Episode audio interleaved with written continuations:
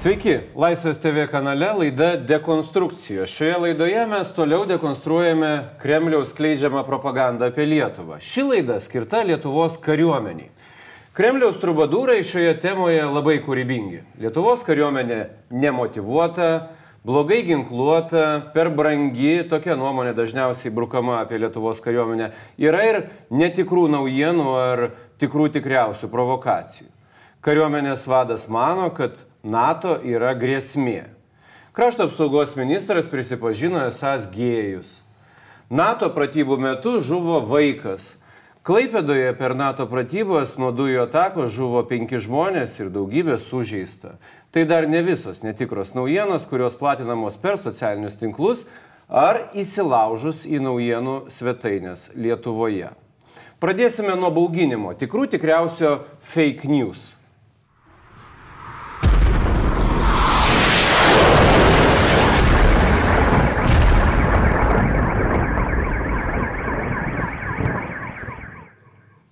Taigi, Rusija atakuoja Lietuvą, dešimtis žuvusių, daugiau nei šimtas sužeistų, o Lietuvos prezidentė paskelbė visuotinę mobilizaciją. Visą tai atlikta BBC stiliumi ir platinama socialiniuose tinkluose. Na, o Kremliaus propagandą mes šiandieną dekonstruosime su Delfi korespondentu gynybos temomis Vaidu Saldžiūnu, sveiki gyvi. Ir Lietuvos kariuomenės propagandos analitiku Tomu Čiaponiu. Sveiki. Taigi, e, pirmiausia, gal apie temas. E, Vaidai, Kokios temos yra populiariausios Rusijos žiniasklaidoje, Rusijos propagandoje, kalbant apie Lietuvos kariuomenę? Na, tai iš dalis buvo čia išvardinta, Lietuvos kariuomenė silpna nepajėgi, pastaruoju metu galbūt, va, ypač nuo 16 metų vis dažnėja. E, Lietuvos sąveika, Lietuvos bendradarbiavimas su partneriais, su NATO kitomis šalimis, e, NATO dislokuotas batalionas čia Lietuvoje dvišalis bendradarbiavimas su amerikiečiais ir Baltijos šalis, o taip pat Kremliaus žiniasklaida taip šizofreniškai šiek tiek pristatoma. Viena vertus jos yra neįgalios, mažos, nieko vertos ir jos nesugebėtų pasipriešinti desantininkų kuopai ar būrių išlipusiam tiesiai iš baseino dar apsvaigusiems. O kita vertus tai yra platsdarmas, iš kurio didžioji motina tėvynė Rusija bus užpulta Vadinasi, čia reikia su jais kažką tai tokio padaryti. Ir pastoviai iš tos rolės e, keičiasi, toksai žaidimas vyksta. O ponia čia ponia priemonės, kokios daugiausia? Ar mes e, daugiausia e, turėtumėm kalbėti apie televizijos reportažus, ar vis dėlto čia socialinė erdvė, netikros naujienos, kuo daugiau? Jo, gal norėčiau pradėti nuo to, kad Kariuomenė kaip taikinys informacinėme kare praktiškai yra naudojamas nuo senai ir ko gero tai buvo vienas pirmųjų taikinių, kurį mes pradėjome stebėti, kadangi mes patys esame kariuomenė, tai buvo mūsų praktiškai stebėjimo pradžia. Priemonės. Jeigu mes pakalbėtume Apie tikslinės auditorijas, tai ką yra nukreipta, tai be abejo Rusijos vidiniai tikslinė auditorija naudoja klasikinės tradicinės medijos priemonės, kadangi jie tai gali padaryti. Ir jie daugiausia gauna informacijos. Turbūt virš 90 procentų rusų informaciją apie tai, kas vyksta pasaulyje, gauna per televiziją, ar ne? Visiškai teisingai. Bet tam, kad patekti į vakarų valstybių priemonės komunikacijos, taip pat į Lietuvos, tai yra truputį sudėtingesnė užduotis. Todėl matome čia, kad daugiausia veiksmų yra vis dėlto socialinė medija medija ir įvairiose priemonėse, kurias galima išnaudoti internete, nes tai yra didelė tuščia erdvė, kurią ganėtinai greitai, be didesnių resursų ir pastangų galima užpildyti e, dezinformaciją, propagandą ir panašaus e, pobūdžio informaciją. Dabar apie netikras naujienas ir iš karto e, keliaukime toliau. Lietuviai snaiperiai šaudė į žmonės Maidane. 20 февраля залоги Карацхеля находился в гостинице «Украина». Что касается оружия, когда его принесли, там было еще два литовца. Они взяли на себя это дело. Я не брал оружие, потому что я уже знал, какие будут последствия. Потом я услышал выстрелы из соседней комнаты.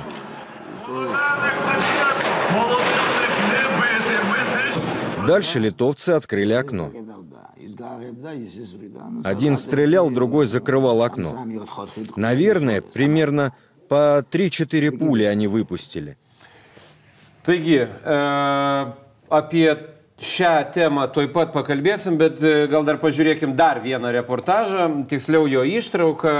Tai visai nesena naujiena apie na, suklastota naujiena apie lietuvius karo instruktorius Donbase. Также мы обладаем информацией о том, что в зоне проведения так называемой АТО между военнослужащими вооруженных сил Украины и натовскими инструкторами назревает конфликт. Так, э, в населенном пункте Теплое Станично-Луганского района следователи военной прокуратуры проводят расследование по факту избиения военнослужащими одного из подразделений 14-й бригады вооруженных сил Украины литовских инструкторов. Причинами потасовки послужило не только хамское и надменное поведение иностранных граждан, как в отношении военнослужащих, так и в отношении местного населения, но и попустительство местных правоохранительных органов к совершению наемниками преступлений.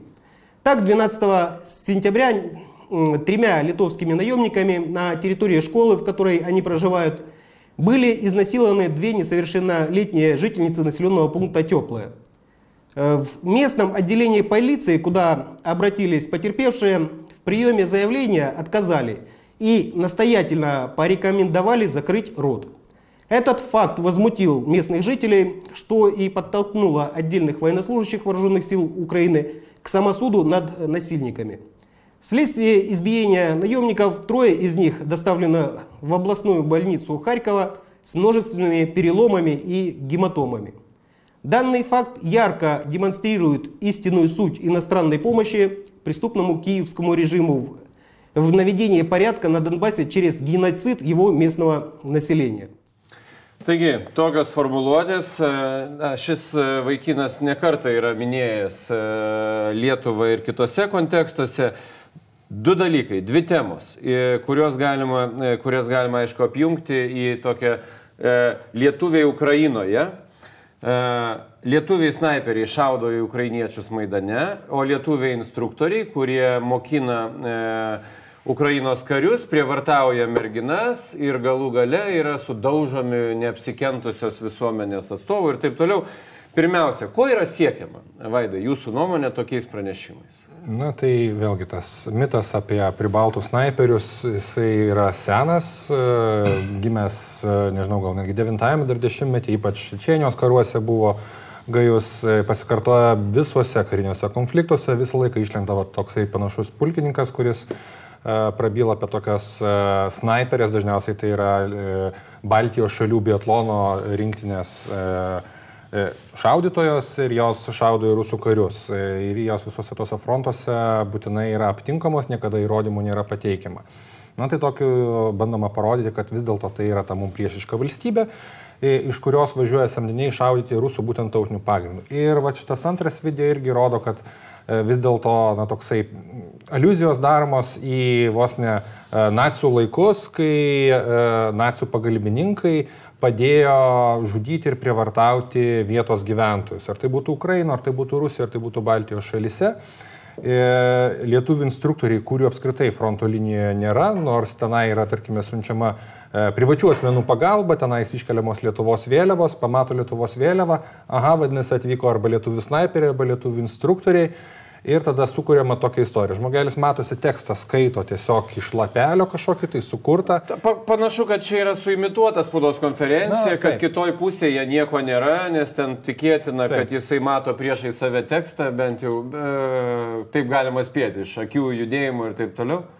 Ir tai yra pakankamai primityvu, galima nu, pasakyti, na taip, ne pirmą kartą girdime tas uh, baltasias pėtkelnes, ne pirmą kartą girdime tuos neva instruktorius uh, NATO, ypač Lietuvos uh, fronto linijoje pasirodžiusius, uh, bet uh, ta žinutė kartojama, jinai turi savo poveikį. Tu dešimt kartų pakartoji melą, melas galiausiai sąmonėje kažkur tai įsitvirtina ir galiausiai jį jau kartoja žmonės nesąmoningai. Koks to poveikis? Teisingai. Čia yra e, turbūt esminis klausimas, ką pradėjo e, kalbėti Vaidas Saldžiūnas. E, ar yra kažkokia tikslinė auditorija, į kurią tai gali būti nukreipta?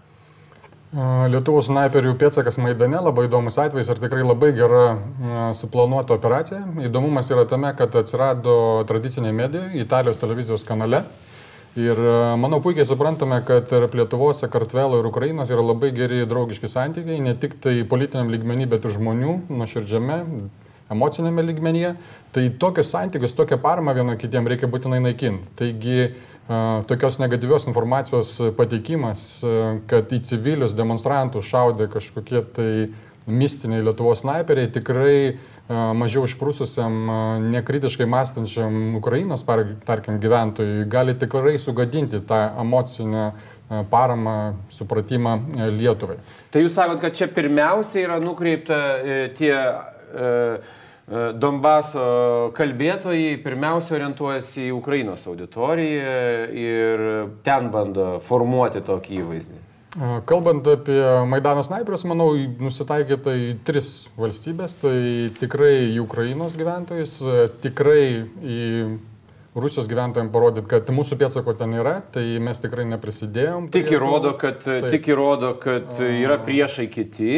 Puikiai žinoma, savišaudai į savus naratyvas praktiškai visiškai atitinka ir aišku, Sakartvelo vaidmo vėlgi, kaip sakant, ir jiem ištranšiuojant tą žinutę. Ir Vėlgi, televizijos kanalas Italijoje, tai yra uždarsimas laikė. Nei Sakartvelė, nei Ukrainoje, nei Lietuvoje mes ko gero nežiūrime itališkos televizijos ir ko gero neturim daug specialistų, kurie supranta italų kalbą. Taigi, dėlsimas laikė, kol mes tą informaciją gaunam.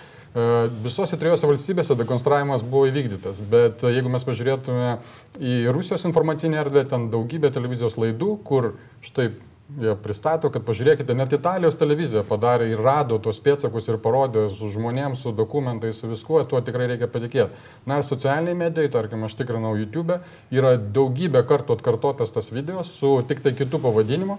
Kartais peržiūrų nėra daug, dešimtis, šimtai tūkstančių, bet jeigu mes susumuotume visus, tai tikrai gaunasi nemažas peržiūrų skaičius ir aišku, tai yra tokio naratyvo formavimo pradžia. Vėliau jie kartos ir kartos tą ir taip nuplaus savo nusikaltimus tenai ir aišku jau surado kitus nusikaltelius, tai lietuviai ir Sakartvelo gyventojai. Ir labai svarbu turbūt, mane Saldžiūnai, patekti į tam tikrą na, e, konvencinę, sakykime, žiniasklaidą, bent kažkokiam kontekste po to ją naudoti kaip šaltinį. Visada, visada, visada.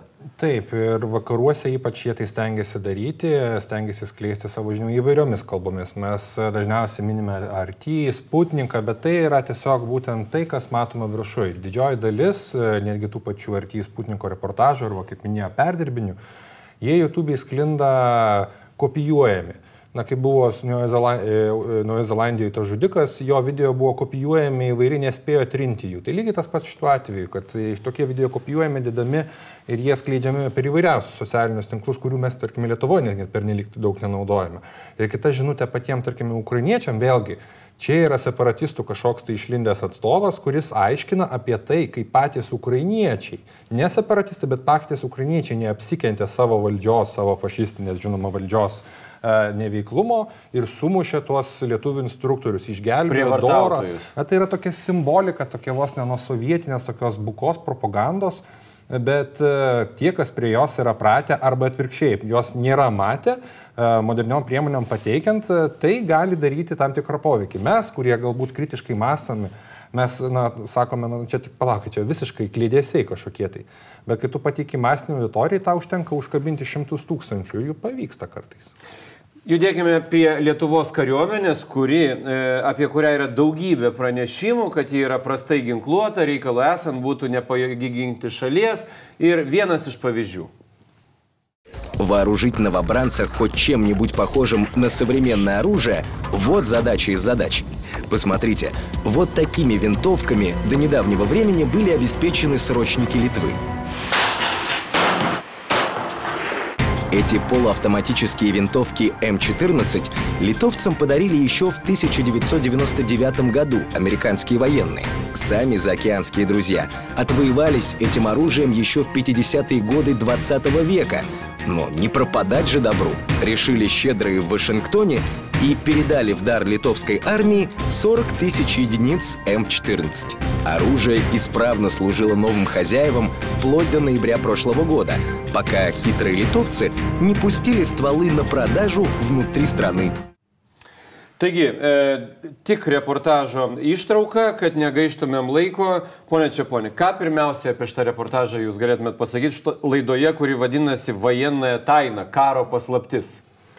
Manau, ganėtai du senai gerai žinomi pasakojimai, naratyvai. Tai pirmas toks pasakojimas būtų, kad Lietuvai kariuomenė kaip ir nėra reikalinga, nes jeigu Lietuva puls, vis tiek ją užims labai greitai, tarkim per dieną, ir tada kam reikėtų vystyti ginkluotasias pajėgas, jeigu jos vis tiek nesugebės apginti valstybės. Na, ir aišku, kitas pasakojimas, kad na, visa turima ginkluotė, tiek kiek yra karių, tiek kiek yra žmonių, visą tai tikrai nesugebės apginti valstybės. Na ir čia tam pasakome ir matome, parodoma, išimame vieną ginklo rušis, kuri buvo perduota Lietuvai, rodoma garbės sargybos kuopą ir pristatoma, vat, kad tokiais ginklais tiesiog, kadangi jie yra morališkai pasenę, praktiškai neįmanoma ginti valstybės. Tokių pranešimų jūs e, dažnai matote Rusijos žiniasklaidoje, Vaidai? Taip, ir ką dar atkreipčiau dėmesį, dažniausiai miksuojama, nes Baltijos šalis Rusijos žiniasklaidoje, toj propagandinėje žiniasklaidoje, jos yra kaip vienas kažkoks tai organizmas. Tai čia matėm, Estas, taip, karys. Estai staiga atsiranda SM14, lietuviai, garbės sargybos kuopa, nesvarbu, svarbiausia yra pasakoto pasakotojo tonas, pasakotojo turinys, ką jisai vat, sugeba papasakoti ir vaizdų galima prilipinti daug. Tai tokių labai daug, e, ypač pastaruoju metu, galima stebėti. E, tai yra pramoginio turinio tokie reportažai. E, jie yra, na, im, tarkime, kai kurie žmonės tokiem yra absoliučiai imlus, jie tai priima už griną pinigą. Na, tebūnie. Tai kulka paleista iš M14 yra ne ką mažiau mirtina negu paleista iš modernaus šatuvo. Ir tokių ir tokių mes turim pakankamai. Ar tokia žinia turi kažkokią specifinę auditoriją? Kod, e, į ką čia yra taikoma? Į, į rusams pirmiausia, patiems, e, motivuojant, kad jie nenugalimi, ar čia kažkokia kita, kit, kita prasmė? Taip, tai jeigu pažiūrėtų į Rusijos auditoriją, tai aišku, kartais net tos žinutės nesutampa, kokias jie bando ištrantuoti savo auditoriją. Vienoje iš vienos pusės jie bando parodyti, kad e, tos valstybės, kurios supa Rusiją ir tą patį NATO, netokie ir galingi, bando iš jų pasityčiot, pasijuokti kaip šiuo atveju, bet iš kitos pusės kita žinutė, kad e, palaikyti tokį baimės lygį Rusijoje, kad iš tikrųjų aplink juos yra vien tik tai priešai ir jie planuoja kaip užpulti Rusiją ir čia yra tikrai jau tik tai laiko klausimas, kad NATO ir visi likę fašistai iš tikrųjų uh, pradės karą su Rusija. Taigi praktiškai net nesutampa tos žinutės, bet tai iš tikrųjų netrukdo uh, jų skleisti. Bet aš manau taip pat jie turi vilties, kad vienaip arba kitaip tą informaciją, tarkim, per socialinius tinklus pasieks ir Lietuvos gyventojus. Galbūt tam tikras bendruomenės Lietuvoje. Ir tada pamačius tokį. Ir pasiekia, ir pasiekia, ar ne? Aš sakyčiau, ypač pasiekdavo. Mat anksčiau, kai Lietuvos kariuomenė buvo iš tikrųjų vargingai finansuojama, kai Lietuva labai mažai skyrė savo šalies gynybai, E, tai tuomet e, būdavo daug kalbų ir apie šituos pačius šautuvus M14, ir apie kitus įsigijimus, kurie esą yra na, visiškai betiksliai, jie yra morališkai visi pasenę, ką jūs su tokiais darysite. Ir vėl ta pati legenda apie rusų desantininkų kopą išlindusią iš baseino čia visus tuo išblaškys.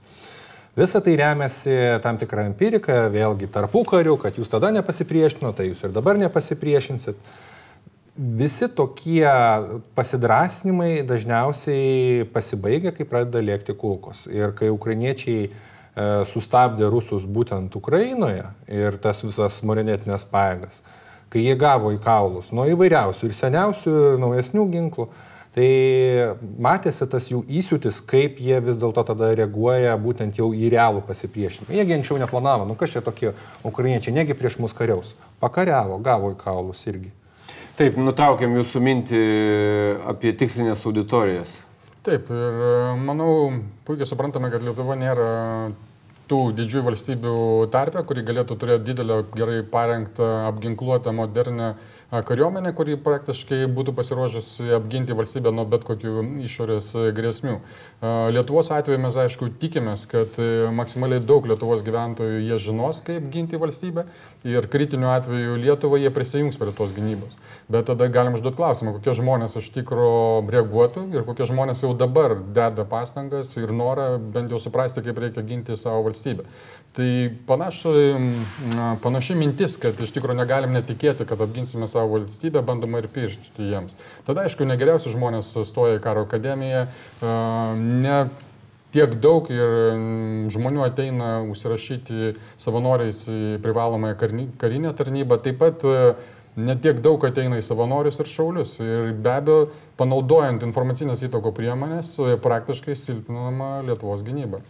Taip, bet šitos priemonės turbūt nėra labai paveikios Lietuvoje ir einant laikui jos daro vis mažesnį poveikį. Ar sutiktumėt su tuo? Čia galima sutikti, nesutikti, bet tai rodo tyrimai. E, naujausi tyrimai tiek atlikti pačių kariškių, tiek įvairių tyrimų centrų rodo, kad vienas dalykas, visi šitie pagrindiniai didieji naratyvai Rusijos Lietuvoje neveikia kalbant apie karių motivaciją, pasiruošimą ir taip toliau, apie pasiryžimą ginti valstybę, apie pačių karių pasiryžimą ginti valstybę, visi šitie e, naratyvai, jie yra va tiek, kiek čia to vandens tiera. Labai nedaug. Ir kam jie taip stengiasi, nu tegu leidžia tos pinigus, tegu stengiasi, bet mes matome rezultatus, kurie yra mažiau negu 10 procentų, tarkime, paveikumas at, tokių būtent pagrindinių tų minčių, kad Lietuva yra silpna, nepasiruošusi, nepajėgi, labdaringa ginkluotė turi ir panašiai. Paskutinė tema mūsų laidoje, kuri turbūt yra pati paveikiausia. Tai yra tai, kad kariuomeniai skiriamas per didelis finansavimas ir tuos pinigus galima būtų išleisti kur kas naudingiau visai visuomeniai. В этом году военный бюджет Литвы вырос на 30%, почти до полумиллиарда евро. Это очень много для бюджета маленькой прибалтийской страны. Десятки миллионов получили не врачи, учителя, пенсионеры и другие бюджетники, а военные. Андрей Храмцов, Дмитрий Федотов специально для НТВ. Литва, Клайпеда. Taip, reiktų patikslinti, kad tai e, nėra pats naujausias e, reportažas, galima girdėti net ir e, iš sumų. Dabar gynybos biudžetas yra be maž milijardas eurų, bet kuriu atveju e, ši tema yra gyva. Ir e, turbūt čia taikoma ten, kur reikia taikyti, ar ne? Ši tema yra gyva tiek, kiek zombis yra gyvas. Tai jinai buvo labai gyva prieš 10, prieš 15 metų po Ukrainos įvykių labai kas apsivertė aukštinkojam ir tai rodė vėlgi tie patys skaičiai, tai rodė politinių partijų pritarimas, daug metų buvo kalbama apie tai, kad jo, jo reikia 2 procentų skirti, galiausiai prieėm prie tų 2 procentų ir tai išprovokavo ne kažkas tai pas mus, o būtent Ukrainos įvykiai. Ir vėlgi tai bandoma paveikti per įvairias politinės partijas, per įvairias grupuotės. Tai išlenda šitie naratyvai, vėl bandoma tarsi supriešinti. Bet, na, mes matome, kad tiek politinis procesas e, yra užtikrintas, e, jisai nėra tobulas, toli gražu, e, bet jisai yra pakankamas bent jau pasiekti tuos 2 procentus. Jūs kariuomenėje fiksuojate tūkstančius įvairiausių pranešimų, didelė jų dalis, turbūt geras dešimtadalis yra skirti pači, konkrečiai kariuomenės temai. Aišku, galima tą temą turbūt plėsti iki partizanų, istorinių momentų ir čia net nežinia, kur, kur baigėsi ta, ta kariuomenės tema. Gynybos finansavimas kaip taikinys. Populiari tema? Tema iš tikrųjų yra klasikinė. Galima sakyti, kad ko gero nuo kariuomenės pradžios kūrimo mes stebime šitą temą ir, ir ją jaučiame. Ir kova dėl finansavimo gynybai yra iš tikrųjų visada labai svarbi. Ir manau, kad e, tai tikrai tęsis, nes jeigu mes ir pažiūrėtume net į NATO lygmenį, tai biudžetai, kiek kurį valstybė skiria gynybai, yra visada labai svarbus klausimas ir, ir, ir net ir šiuo laikotarpiu. E, iš tikrųjų labai džiaugiamės, kad e, nuo tikrai labai mažo biudžeto turėtų mes galų gale pasiekam 2 procentus ir ko gero tikimės nesustosim, nes tai yra gyvybiškai svarbu, jeigu mes norim tobulinti, vystinti kariuomenę. Mums tikrai reikia to finansavimo ir užtikrinto, kad galėtume pradėti ilgalaikius projektus. Ir manau, priešiškai propagandai, dezinformacijai tai yra labai apčiopiamas, suprantamas taikinys, į ką jie investuoja. Ir labai dažnai bandoma pateikti, kad skirtingos grupės žmonių socialiniuose tinkluose, tam tikroj, tokio nelabai oficialioj spaudoj iškelia tą klausimą. Ir atrodo, kad tai yra liktai vidinis valstybės klausimas. Bet tas reportažas, kuris buvo parodytas, yra puikus įrodymas, kad tam tikra žinutė jinai yra suformuojama toli gražu ne Lietuvoje. Ir po to jinai yra praktiškai eksportuojama į mūsų valstybę. Bet čia ką Vaidas ir sakė, akivaizdi šizofrenija, ar ne? Vieni pranešimai visiškai prieštarauja kitiem. Vieni sako, kad tenai nieko nėra, nusenus ginkluotė gauta dovanų, kiti, kad išleidžiama per daug pinigų ir tuos pinigus galima būtų naudoti kitur. Tai matytume tam tikrą na, veikimo nelogiškumą, ar vis dėlto čia yra orientuota tiesiog į skirtingas auditorijas? Veikimo nelogiškumą, nenuseklumą dažnai atsakam, nes yra vienos žinutės labai dažnai prieštarauja kitom žinutėm. Manau, yra tikimasi tai, kad ta informacija pasieks skirtingas auditorijas ir galbūt viena informacija nepadarys poveikio, o štai kita, jinai kaip tik nusė žmonių pasąmoniai ir vienu arba kitų momentų išnaudos. Jau gyvenam demokratiniai valstybė ir žmonės iš tikrųjų įsirenka politikus, o politikai vėliau priima labai svarbus klausimus. Tai manau ir tikimasi, kad padaryti taip poveikį demokratinės kiekvienos valstybės gyventojams, kad galiausiai tai perauktų į visiškai apčiuopiamą rezultatą - gynybos biudžeto dydį. Vaidai, kuo jūs aiškinate tą šizofreniją, kaip pats sakot? Nu, matyt, tokia valstybė kitaip negali ir elgtis, nes to beprotname jausmo sklindančio iš tos šalies pastaruoju metu tikrai yra labai labai daug ir vis daugiau žmonės, kurie anksčiau atrodė mąstė logiškai, atrodė galėjo argumentuotai pateikti, dabar kalba kaip zombiai. Nu, tai yra tam tikrą prasme baisu, šiek tiek kartais būna, nu, neslėpsiu, linksma, jokinga, nes nu, iki kokio lygio nusiristi. Kita vertus, vis dėlto tai yra ta kaiminė mūsų, jinai buvo ir bus ta kaiminė. Ir su tokiu kaimynu gyventi, na, jūs įsivaizduokite, gyvenate daugia būtyje ir jūs turite va tokį kaimyną, kuriam vėl nežino, kas kitą dieną užeis. Tai žinoma, kad jūs norite turėti ir gerą saugos bendrovę, ir geras šarvuotas duris, nes, na, vėlgi, tai yra kaimynas. O ar jisai vieną dieną šneka vienaip, kitą dieną pro balkoną jau šneka kitaip, tai jūs jau matėte jo elgesį, viskas, užtenka. Vaidas sako, kad e, tyrimai rodo, jog tos žinutės e, neveikia taip, kaip galbūt e, ana pusė galėtų tikėtis. Ar jūs stebite, kad mažėjant efektyvumui, mažėja ir pačių pranešimų, ar ne? Mm, praktiškai mažėjimo tikrai nestebime, po kol kas stebime tik tai geometrinį didėjimą, progresą šitų žinučių ir aš manau, kad e, taip pat ir e, vakarų konferencijose, kada mes kalbame. Kitaip, atsiprašau, kad nutraukiu, kitaip tariant, nepaisant to, kad tai turi vis mažesnį ir mažesnį poveikį, intensyvumas auga, o ne mažėja. Ne, veikla nėra perkeliama kitur, o tiesiog intensyvinama čia. Taip, jinai iš tikrųjų Veikla intensyvina čia ir taip pat veikla intensyvinama kitose vakarų valstybėse, tų valstybių vietinėmis kalbomis. Ir vėlgi, tai jau išgrinintas faktas yra, kad kuo skiriasi senoji propaganda ir dezinformacija nuo dabartinės. Anksčiau dezinformacijos kampanijos buvo parašomos e, labai nuodugniai, į tai buvo investuojami tikrai nemažai pinigai ir e, tai užimdavo tikrai nemažai laiko. Yra tokie gerai ištirti, aprašyti atvejai, kurie užimdavo kažkiek metų. Šiuo metu viskas pasikeitė. Jie nėra gerai paruošiami, jie yra ko gero labai dažnai netgi labai pigus, bet jų yra labai daug. Ir e, tai yra labai padaugiama socialinės medijos ir skirtingų platformų sąskaita ir labai plačiai paplinta. Ir tikimasi, kad tiesiog tuo informacijos antplūdžiu vieno ar kitoje vietoje vis dėlto pralauš užtvanką. Vakariečiai mažiau atsparus? Mažiau atsparus ir visą laiką buvo mažiau atsparus. Na, pavyzdys yra iš kitos e, operos šiek tiek Niderlandai. Prieš antrąjį pasaulinį karą Tai buvo ta valstybė, kuri tikrai smarkiai nukentėjo nuo krizės ir tai buvo pacifistinė valstybė, beveik kaip panašiai kaip ir dabar. Atsisakė labai daug ginkluotės, buvo visiškai nepasiruošusi karui. Tai beje buvo vienintelė valstybė Europoje, kuri nebendravo su Sovietų sąjunga oficialiai, nepalaikė tokių ryšių kaip, kaip visos kitos. Ir tas nepasiruošimas būtent ir lėmė, kad jie nesugebėjo pasipriešinti vokiečiams rimčiau. Jie priešinosi keturias dienas, e, nedaugiau. Nors jie turėjo puikias sąlygas, panašiai kaip Suomija, tik tai kitaip, šiek tiek turėjo savo kanalus, tiltus ir panašiai, bet jie buvo visiškai nepasiruošę. Tam nereikėjo jokios propagandos įtakos, tam buvo vietos politikų nerištingumas. Pas mus buvo, tarkime, finansavimas, bet pas mus irgi buvo vietos politikų nerištingumas. Tai užsienis ar Lietuva, e, didesnio skirtumo čia galbūt nereikėtų kažkokio tai žymėti. Tiesiog yra visą laiką kombinacija. Yra valia priešintis, yra priemonės priešintis ir yra atsparumas visuomenės visos.